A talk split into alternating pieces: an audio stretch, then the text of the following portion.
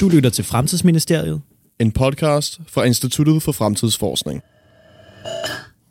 Internettet er en kampplads, hvor private og nationale interesser overlapper og kappes om kontrol over den digitale infrastruktur.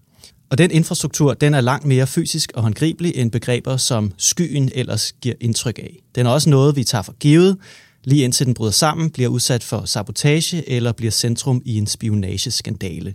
Derfor skal vi blive bedre til at forstå internettets kritiske rolle og de magtforhold og interesser, der former vores digitale hverdag og samfund i dag og i fremtiden. Det mener Signe Sofus Lej og Sofie Flensburg, som er forskere på Institut for Kommunikation på Københavns Universitet og medstifter af den nye Tænketank for Digital Infrastruktur. De har også en bog ude om tech-giganternes infrastrukturelle magt i de nordiske velfærdsstater. Og jeg har fået besøg af dem begge to. Signe og Sofie, velkommen til. Tak. Tak. Og øh, lad os starte med, vi sidder jo her i Danmark, øh, som af FN sidste år blev kåret som værende verdensmester i digital udvikling i den her øh, e-government survey, som de laver. Men alligevel tænkte de, at det her med den digitale infrastruktur, det, øh, det er så kritisk, at I vil etablere en tænketank omkring det. Hvad var det, der motiverede jer til at gøre det?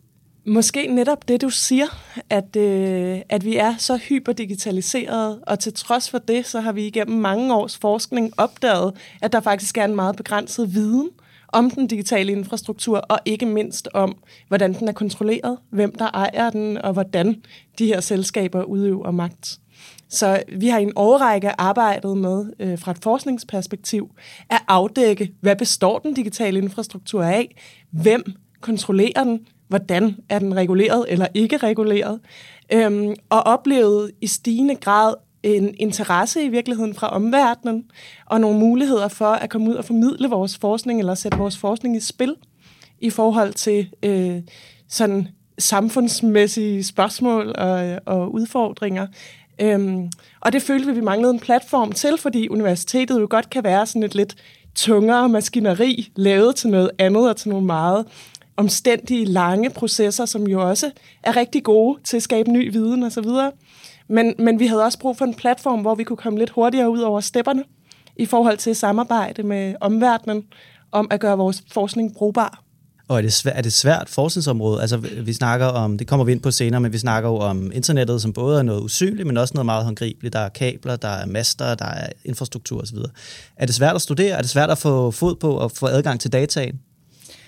Ja, altså man kan sige, vi er jo i det her felt, som hedder infrastrukturstudier.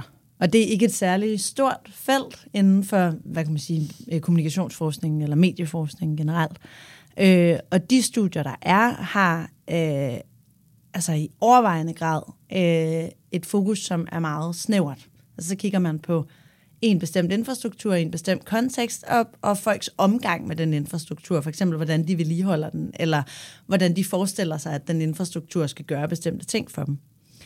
Øh, og den slags studier har været enormt inspirerende for os, og vi har lært en hel masse om infrastruktur, men der er også en masse ting, vi ikke lærer, eller som vi ikke ser, når vi kigger meget snævert på en del af infrastrukturen, eller når vi kigger meget snævert igen på menneskers oplevelser af den infrastruktur.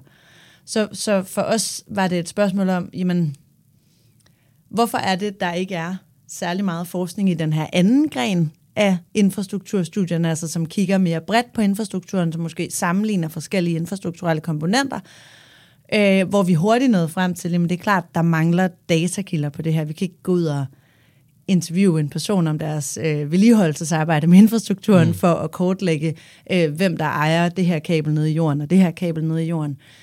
Øhm, så det blev ligesom vores første sådan, hvad kan man sige, bjerg, vi skulle prøve at bestige, var det her med, hvordan finder vi egentlig data, som kan belyse det her område. Mm. Øhm, og det, vores nye bog er et meget godt eksempel på det. Altså det har været et spørgsmål om at nå så langt, som vi overhovedet kunne, med tilgængelige datakilder. Så det vil sige ikke datakilder, som vi skulle ud og betale en hel masse penge for, fordi det også på en eller anden måde sætter forskere meget forskellige steder, alt efter om man har store bevillinger eller ej, eller om man samarbejder med Facebook, eller hvad det nu kan være, der gør, at man får adgang til såkaldt dyre data, man siger, okay, hvad kan vi finde af databaser, rapporter og strukturer derude, som faktisk siger noget om det her, som vi så kan aggregere i nogle store datasæt for at tegne et samlet billede af infrastrukturen. Mm. Okay, så det er noget med at få et, et, et, et helhedsbillede frem for at se på de enkelte dele, og det er måske det, der kan være en udfordring for den det form for studie. Det er jo meget imponerende, at jeres bog er øh, virkelig gennemarbejdet og gennemresearchet, og jeg kan anbefale øh, lytterne at gå ind og... Man kan finde den gratis, ikke? Inde Jo, på jeres er øh. Tænketankens hjemmeside. Ja. Ja.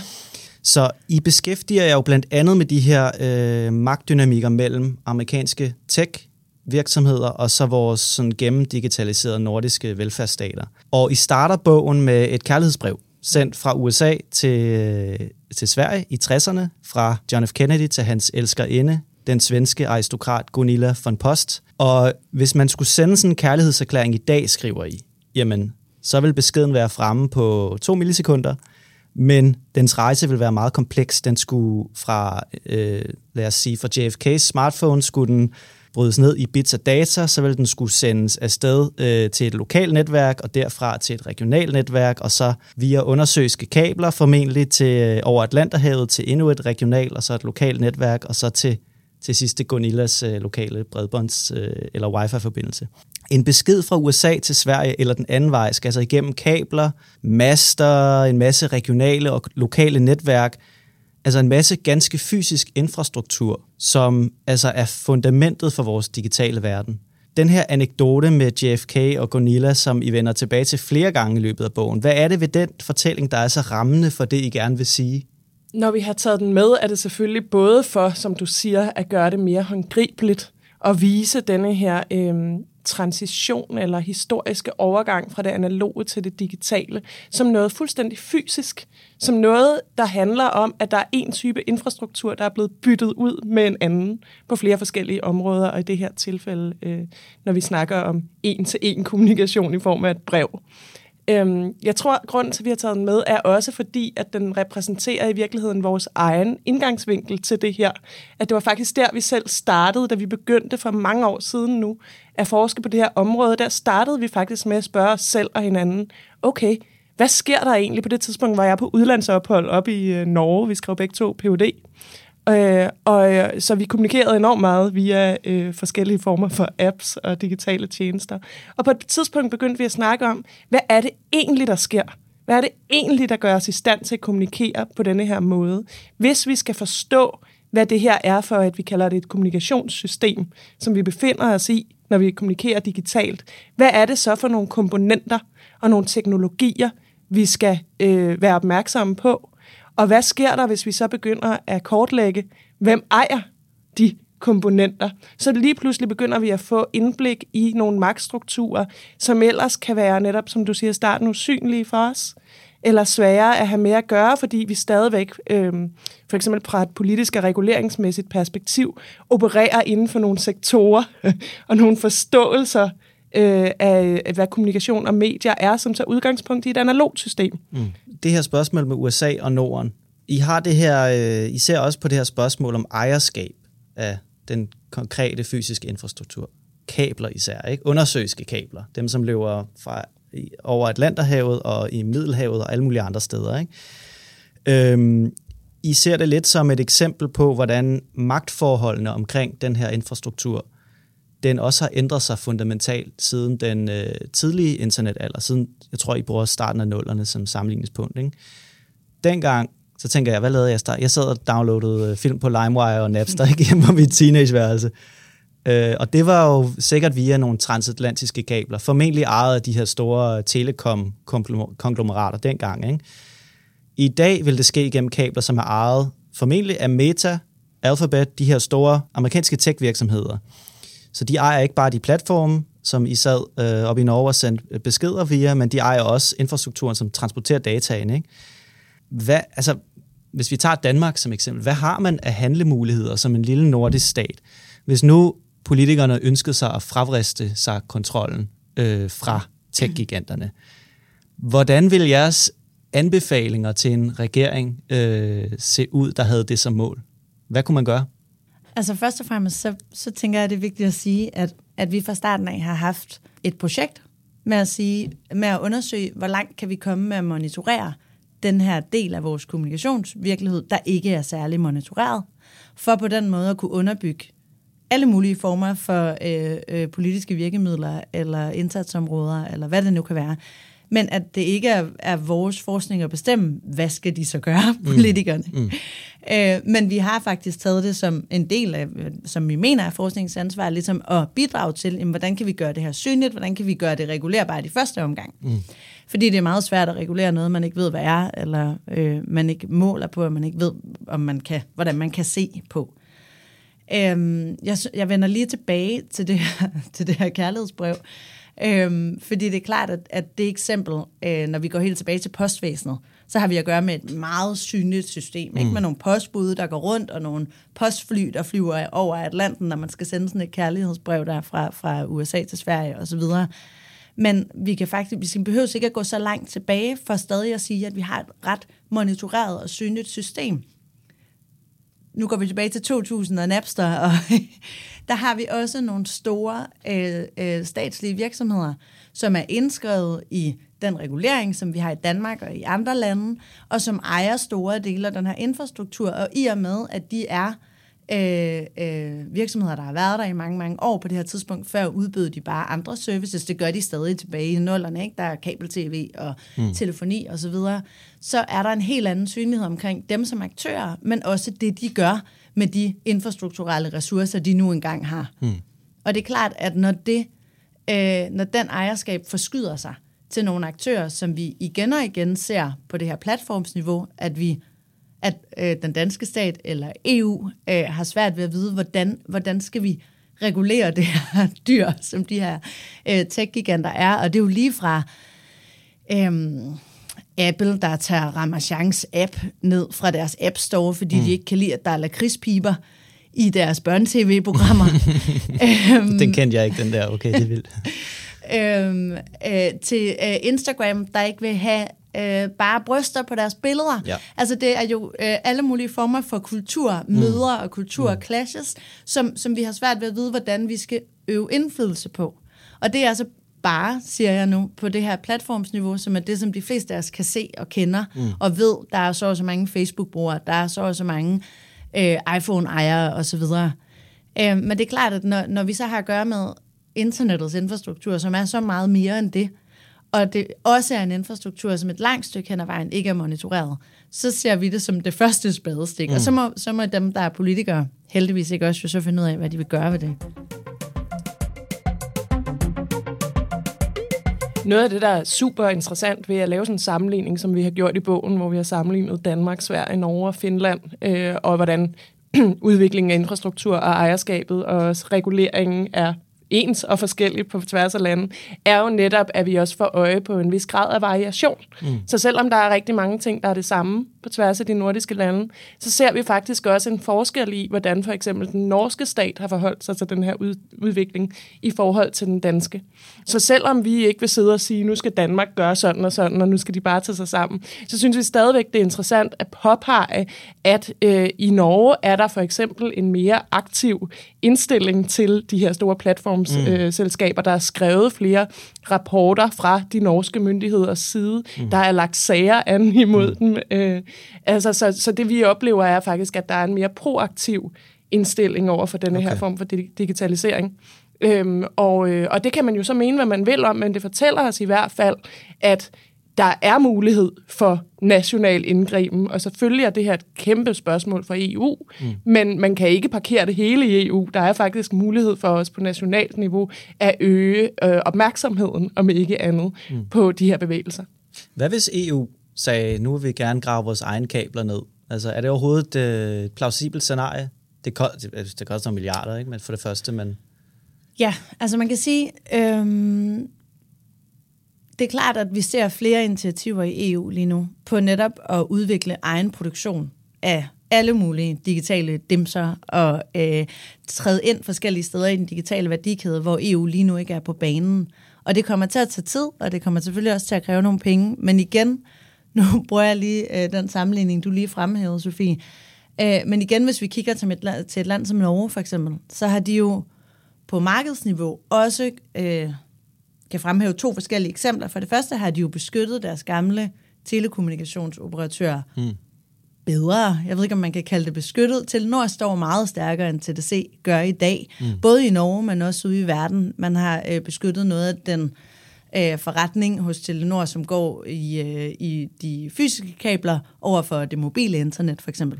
Samtidig så har man en stor øh, infrastrukturoperatør på backbone-niveauet, altså der, hvor vi finder søkablerne og internet exchange points og sådan nogle ting, som jo arbejder sammen med blandt andet Meta Alphabet om at udbygge nogle af de her infrastrukturprojekter, men hvor man trods alt har en national aktør, Okay. som er norsk og underlagt mm. norsk lovgivning. Mm. Det har vi ikke på samme måde i Danmark i de her store kabelprojekter. Nej. Øhm, så jeg synes, det er et meget godt eksempel på, at der er jo forskellige måder, man kunne gå ind i det her. Man kunne mm. gå ind i det i samarbejdsstrukturer, i stedet for at overgive hele infrastrukturen, mm. øhm, som, som man måske også skal kigge til nede i EU.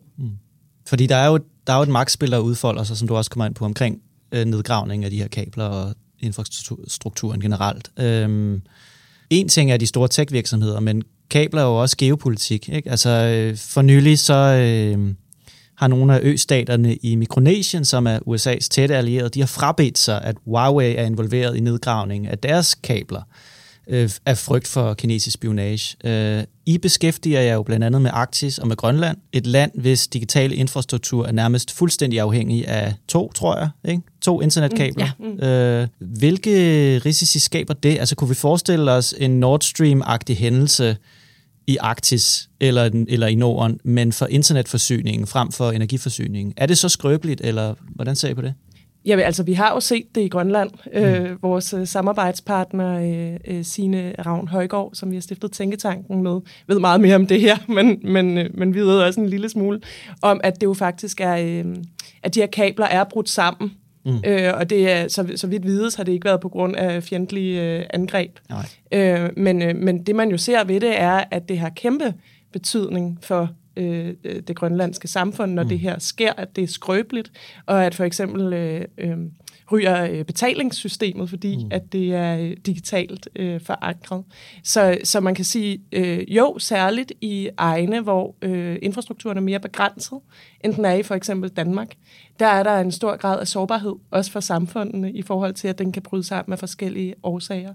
Og vi ser det jo, vi ser jo Nord Stream-agtige øh, hændelser, for eksempel... Øh, i Svalbard, hvad det, et år eller halvandet siden, hvor der faktisk var et, øh, hvad man formoder var et, øh, et form for angreb mm. på et kabel, som, som øh, øh, fik internettet til at bryde sammen. Mm. Ja, der var ret beset hakket en meter af kablet. Mm. Øhm, Okay. Så internetforbindelsen til Svalbard, den forsvandt. Ja. Og det ses som sabotage. Det er ikke afklaret, hvem det er, der har gjort det, men mm. der, der manglede en meters kabel, og så okay. er der altså ikke internet på. Svalbard. Ja. Har de fikset det? Er der... Ja. Så nu er det net igen. Okay, godt. Og så er der jo Starlink, som rykker ind, og der er jo snart dækning over, over Grønland øh, fra dem. Og det kan man jo sige på den positive side, det kan jo bruges som backup for nogle af de her kabler, øh, hvis det nu skulle øh, bryde sammen eller blive saboteret eller andet. Men det skaber selvfølgelig også nogle nye risici for noget, noget telemonopol fra nogle andre aktører, som mm. så rykker ind. Hvordan ser I på Starlinks voksende rækkevidde i Norden? Altså, vi har netop skrevet en artikel om Starlink. Den er ikke ude endnu. Vi skal nok give den Okay, spændende. Øhm, det er en artikel, der handler om, øh, om satellitinternet, men man kan ikke sige satellitinternet uden at sige Starlink. Nej. To ting omkring Starlink. For det første, Starlink i Norden, altså i de nordiske lande, som vi har arbejdet med i bogen, er ikke, altså, det er ikke relevant, at der i den nærmeste fremtid bliver udbudt satellitinternet, der kan hamle op med de internetforbindelser, vi har i Norge, Sverige, Finland og Danmark. Mm. Altså, det er, kapaciteten er for lav, og det går simpelthen for langsomt til, at folk vil give og betale de summer penge, det koster at få en satellitinternetforbindelse mm. i Norden. Mm. Øh, men det er klart, lige så snart vi bevæger os til steder, hvor internettet er mere sårbart, eller hvor forbindelserne er, er altså, hvor der er færre af dem, og hvor man i forvejen arbejder med et helt andet, nogle helt andre hastigheder, nogle helt andre kapaciteter, der kan satellitinternet, i hvert fald med den hastighed, det bliver udviklet lige nu, gå ind og konkurrere i fremtiden. Mm. Øh, for eksempel sådan nogle steder som Grønland. Øhm, så er der så noget særligt omkring Grønland i forhold til, øh, øh, om Elon Musk overhovedet må tænde, mm. øh, hvilket lige nu øh, øh, ligesom er udelukket. Okay. På, hvor, hvorfor er det udelukket? Det er simpelthen fordi den grønlandske, så vidt jeg har forstået i hvert fald, den grønlandske teleudbyder har monopol på internetudbud Okay. i Grønland, ligesom Ja. det var tilfældet, kan man sige, med telefoni i gamle Okay. okay. Og den anden ting omkring, øh, omkring Starlink, som er interessant i forhold til det arbejde, vi sidder og laver nu, også når vi snakker om, hvad som er regulering, og hvad som er regulering i fremtiden, det er, at øh, den måde satellitinternet bliver reguleret lige nu, er et virkelig godt eksempel på nogle af de her ting, som vi ser konsekvenserne af lige nu i de undersøgelser, vi har lavet, hvor der har været meget lidt regulering, mm. eller helt mangel på regulering. Øhm, det er sådan, at satellitinternet, fordi det jo er satellitter, der fiser rundt om hele jorden, bliver reguleret af, af ITU, International Telecommunications Union, som mm. er sådan en international body, der, der regulerer de her ting. Og reguleringen er enormt begrænset. Mm. Hvis man sådan skal sige det lidt, lidt hvad kan man sige, simpelt, så øh, går reguleringen egentlig på, at øh, det gælder om ikke at få de her satellitter til at flyve ind i hinanden, ja. i takt med, at vi sender, der kom, bliver sendt mange op. Mm. Øhm, hvis der så begynder at være risiko for, at de flyver ind i hinanden, eller på en eller anden måde har interference, kalder man det, så er det sådan, at dem, der kom sidst op, og dem, der har færre satellitter, skal tage dem ned igen. Okay. Så lige nu er det virkelig et race for space, så at mm. sige, i den forstand, at hvis du kommer først, og hvis du er størst, så får du også monopol i rummet. Ja. Øh, og Starlink og det, er først og størst. De Starlink har er først halvdelen af alle de satellitter, der hænger derop, det er deres. Ikke? Lige præcis, og de projekter, de har inden for det næste halve hele år, gør jo, altså eksploderer jo bare ja. den øh, ja. dominans i rummet. Og øh, konsekvenserne af det, dem kommer vi først til at kunne se om nogle år, netop når mange af de her steder i verden, hvor at Starlink er enormt relevant, fordi mm. internettet er så øh, udviklet eller så sårbart, øh, konsekvensen af så at have haft så lidt regulering og en så særlig regulering på det her område, det kan vi jo så først se længere ude i fremtiden. Mm. Øh, og jeg tror også, det har været et af vores argumenter i forhold til bogen, det er det her med, det handler jo ikke bare om at forbinde folk til internettet. Mm. Det handler jo om, hvad der sker bagefter, vi ja. forbinder folk til internettet. Ja. Så hvis vi målte satellitinternet lige nu på antallet af øhm, abonnenter, lidt ligesom vi måler internetadgang øh, alle mulige andre steder i verden, så måler vi mobile abonnenter osv., så, så vil det ikke se særlig indflydelsesrigt ud. Mm. Men det er klart, at når først vi begynder at kunne se indflydelsen af satellitinternet i antallet af abonnenter, så er tingene ligesom sket. Mm. så er det Elon Musks øh, satellitter, der flyver rundt, og så er det, at vi har nogle af de her udfordringer, som vi har set i de, i, altså i de seneste nyhedshistorier om, er det så en mand, der bestemmer, hvor vi tænder, og hvor mm. vi slukker, og hvorfor vi tænder, og hvorfor vi slukker, og mm. hvad for nogle interesser, der skal gå ind i det. Mm. Og bare lige for at uddybe, det er altså vores spørgsmål går både, som Sine siger, på, hvad kommer efter internetforbindelsen er etableret, men i virkeligheden også, hvad kommer før Øh, noget af det, vi, øh, vi plejer at sige, er, at nu måske er et af de vanskeligste steder, øh, tidspunkter i historien, at begynde at ville regulere særligt platformsmarkedet. Mm. Ikke? Altså, når øh, øh, Google er blevet til en infrastruktur, vi er fuldstændig afhængige af øh, et selskab som Google, hver gang vi kommunikerer, for eksempel ved hjælp af, af vores øh, smartphone. Specielt de af os, der bruger en Android øh, smartphone, så er det rigtig svært at gå tilbage og mm. sige, hov, det er ikke jer, der skal udbygge den her infrastruktur, eller det skal ske på nogle andre præmisser. Mm. Og, og hvor jeg også synes, at det, der er spændende ved, ved satellitterne og Starlink, er, at måske har vi faktisk en chance på det her tidspunkt i historien, i forhold til denne her type internet, øhm, til at begynde, om ikke andet, at holde mere øje, men også at, at få taget nogle af de her demokratiske debatter omkring, om man synes, at det er den rigtige udvikling, at de her store globale selskaber skal sidde som monopolagtige aktører. Mm øh, i forhold til udbuddet af internet. Så det er godt, at vi har nogle tænketanke, der kan tage den her sag op. øhm, Bliv lidt ved jeres bog. I skitserer øh, i bogen også en masse af de skiftende fortællinger, der har været om internettet gennem tiden. Ikke? Vi havde øh, globale landsbyer, vi havde øh, netværkssamfundet, informationsrevolution osv. Nu har vi nogle mere kritiske overvågningskapitalisme, vi har post-sandhedssamfund osv. Der er også en anden fortælling, der er kommet frem i de senere år, som øh, øh, ligesom har vundet indpas, måske især på den politiske venstrefløj, men ideen om, at vi i kraft af koncentrationen af magt og penge i nogle få tech-virksomheder er på vej ind i sådan en ny feudalistisk eller teknofeudalistisk tidsalder. Altså ideen om, at mere økonomisk aktivitet rykker fra sådan øh, åbne markeder til aflukkede virtuelle markeder, landområder, og her er det også brugerne, der laver arbejdet, men vi ser ikke profitten af arbejdet. Det går til de her cyber-lensmænd, øh, øh, Jeff Bezos og Zuckerberg og sådan nogle typer, ikke? Øh, og vi er mere eller mindre stavnsbundet til platformene, fordi vi har ikke rigtig noget reelt alternativ. Synes I, det er en god karakteristik af den fremtid, vi er på vej ind i, eller er det for kynisk? nu bliver der stille i studiet. ja, jeg, jeg er oprindeligt øh, uddannet historiker, ja. og jeg tror, hver gang, at man begynder at øh, øh, øh, ligesom placere, øh, at karakterisere noget som noget, vi kender fra, fra fortiden, så har jeg måske en lille tilbøjelighed til at være, mm. være øh, skeptisk, øh, at, man, at man farer for det, der hedder anachronisme, ikke? Ja. At, Ja. at forstå en virkelighed, øh, som vi har nu, som sammenlignelig med en, der var en helt anden i øh, middelalderen, for eksempel. Men, men det er jo klart, at man kan lære af fortiden. Og det er klart, at, øh, at jeg synes også, at denne her måde at arbejde med infrastruktur og politisk økonomi kalder jo på nogle mere generelle overvejelser omkring, hvordan magt udfolder sig i samfund, mm. og hvordan øh, magt udvikler sig, hvordan magtforhold udvikler sig, og hvor at det er er super væsentligt og enormt brugbart øhm, at, at prøve at gå til det fra det her mere materielle perspektiv, som vi også gør, med at sige, når de ressourcer, fysiske ressourcer, vi baserer vores samfund på, forandrer sig, så forandrer vilkårene for at øh, organisere sig også, mm. og vilkårene for at udøve magt forandrer sig. Øh, og jeg tror, det er det, vi ser lige nu, det er jo, at de her stadig mere værdifulde ressourcer har en form og fungerer på en måde, øh, der medfører nogle nye former for magtudøvelse. Mm. Og det tror jeg, vi skal være super bevidste om. Så, så jeg ved ikke, om jeg vil sige, at det er øh, for kynisk. Det er jo åbenlyst rigtigt, at der sidder nogle globale virksomheder og øh, tjener rigtig godt på alle de dagligdags ting, vi alle sammen gør. Mm. Øh, men om det er sammenlignet med middelalderen, det tror jeg ikke, at jeg vil... Øh, Nå, altså den der idé om, at øh, vi går fra åbne til princippet isolerede markeder, den synes jeg, altså, den kan noget, ikke? Fordi Amazon, er Amazon et åbent marked? Det ved jeg ikke. Hvis du ikke har et alternativ til de store sociale medier, selvom du måske gerne vil have et, er det så et, er det så et frit marked, vi taler om? Ikke? Men ja. Altså, det er noget, vi har, vi har beskæftiget os meget med det i bogen. Vi, og vi bruger det her begreb om et digitalt kommunikationssystem og stiller det op over for det analoge kommunikationssystem. Og i et analogt kommunikationssystem, så er vi tilbage til lige før Napster, ikke? Mm.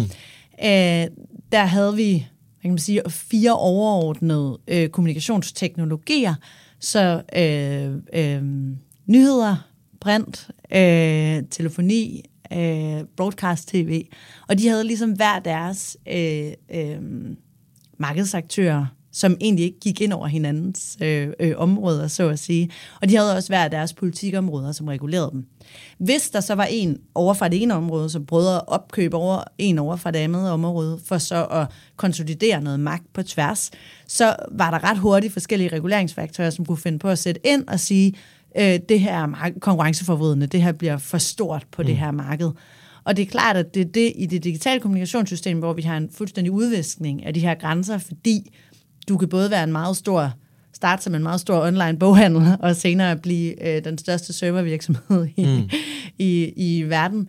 Øh, der har vi ikke på samme måde, øh, der ser vi ikke på samme måde øh, myndigheder, øh, hverken herhjemme eller i EU eller i USA, gribe ind på, over for sådan nogle konkurrenceforvridende øh, øh, øh, moves, som det her med at opkøbe infrastruktur på tværs af en værdikæde, for eksempel. Mm.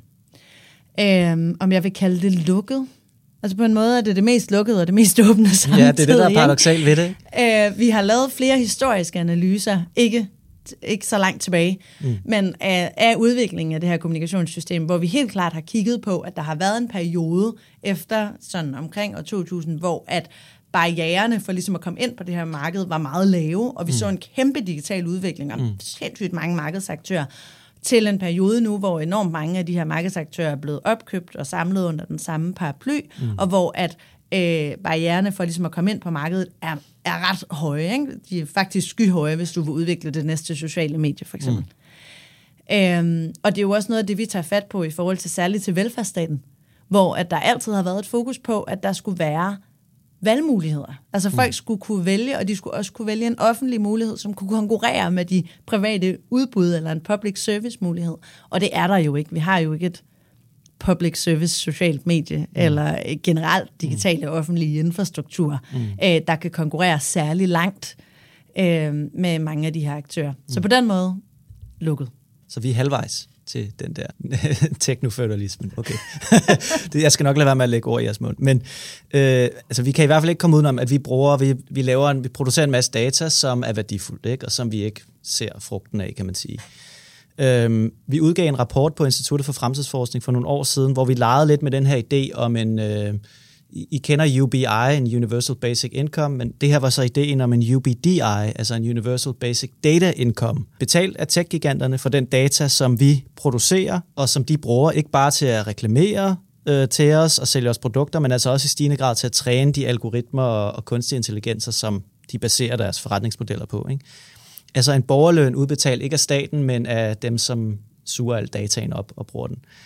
Nu skal jeg passe på med at sige, at vi er fortalere for det på instituttet, men det var en, det var en tanke, vi i hvert fald legede med. Ikke? Hvad synes I om det? Eller mere generelt, tror I på en fremtid, hvor vi som brugere kan blive kompenseret mere direkte for den data, vi producerer? Er det en fremtid, vi bør ønske os, eller ser I nogle faldgrupper? Jeg tror, vi er uenige. Okay, interessant. Øh, jeg synes, det er en god idé. Jeg ser det ikke ske i fremtiden. Mm. Så er vi tilbage ved at prøve at ændre på tingene på et tidspunkt, hvor at vi har nogle store aktører, som har opnået så meget momentum, at det er svært at gå ind og sige, for resten kunne I lige udbetale mm. borgerløn til ja, 8 milliarder ja. mennesker. Øh, omvendt, det vi ser lige nu, er jo øh, for eksempel Meta på tværs af deres platform, Facebook, Messenger, Instagram, der går ud og siger, I kan betale 99 kroner om måneden, og så lader vi være med at dele jeres data. Mm. Altså, det er ikke et spørgsmål om at udbetale borgerløn til mennesker, det er et spørgsmål om at indkassere 99 kroner fra 5 milliarder brugere, mm. hvis de gerne vil have, at Meta ikke deler deres data. Mm. Og så er der alt muligt uklart omkring det. Altså, hvad de så, det bliver jo stadig indsamlet, det her data, så er det så bare et spørgsmål om kun at dele det med Meta, og ikke med alle mulige andre samarbejdspartnere, eller hvad de her 99 kroner overhovedet dækker om, det skal jeg ikke gøre mig klog på. Men, men, øh, men jeg synes, det er et meget godt eksempel på, at det er ikke en fremtid, jeg ser, der kan lade sig gøre, og men jeg synes, det er en god idé. Mm.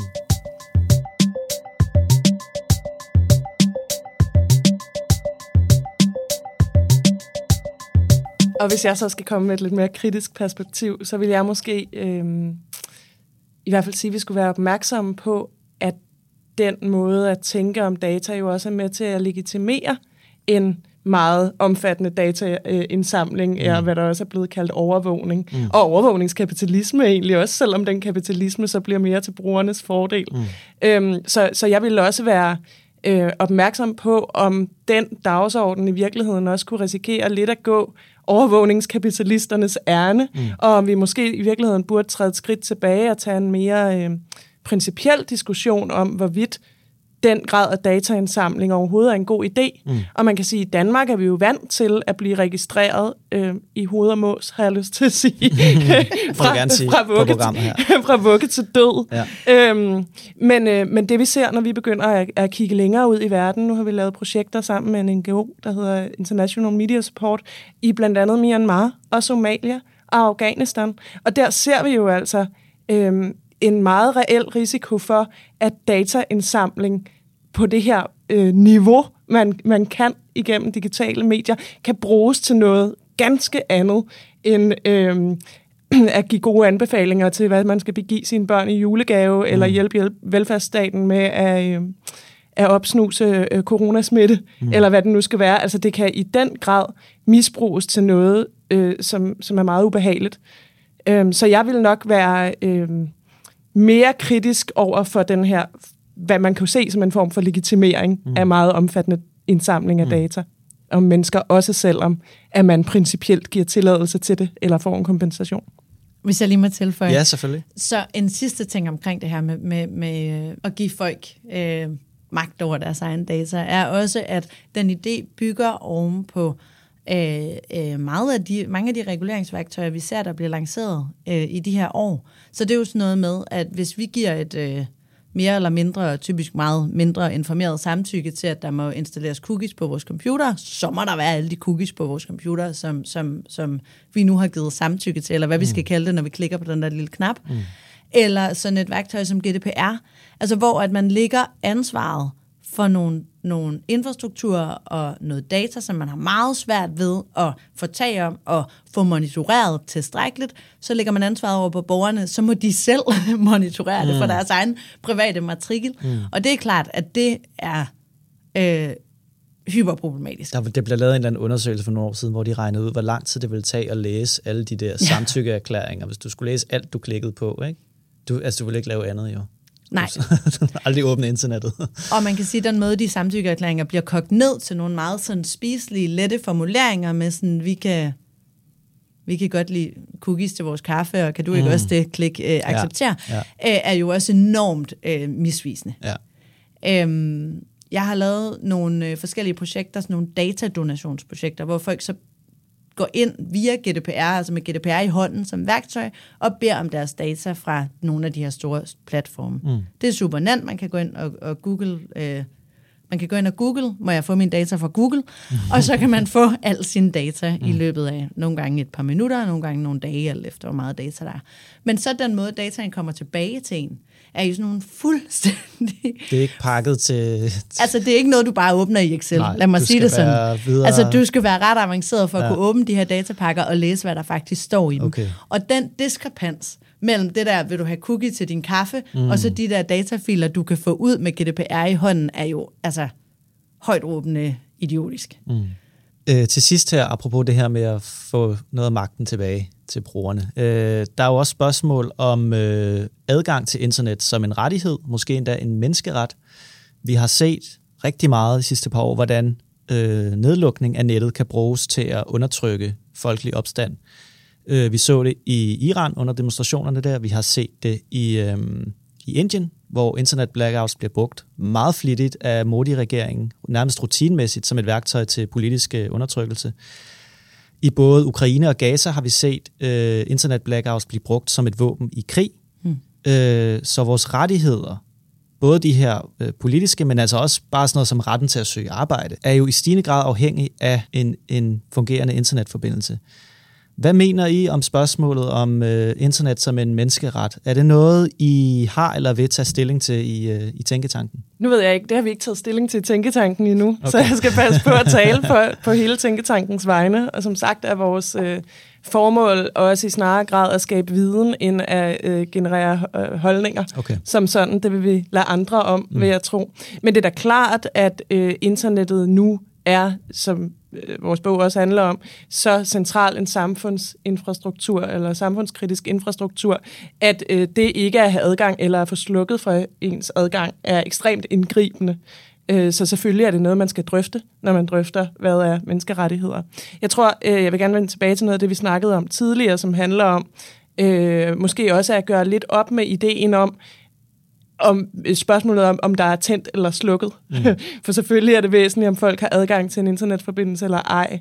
Øhm, men, men jeg tror, at det vi også gerne vil bidrage mere til, med, til debatten, er at sige netop det her med, hvad kommer før og hvad kommer efter, mm. at man har fået adgang til internettet. Fordi at igen for at vende tilbage til de øh, forskellige steder i verden, som du også taler om, så kan det at få adgang til internettet også medføre nogle ting, som ikke er specielt frigørende, mm. men måske tværtimod det modsatte. Mm. Altså kan være undertrykkende, og internetinfrastruktur bliver i stigende grad brugt både som et våben i krig, øh, men også som et, øh, et magtmiddel fra autoritære regimer til at holde øje med og undertrykke befolkninger. Både ved at tænde og slukke, men også med at, ved at holde øje med, hvad de gør, eller blokere adgang til forskellige medier osv. Mm. Jeg tror også, snarere end at tale om, om, øh, om en menneskerettighed, så har vi i, i de seneste år øh, begyndt at snakke mere og mere om internettet som en form for meta-infrastruktur. Mm.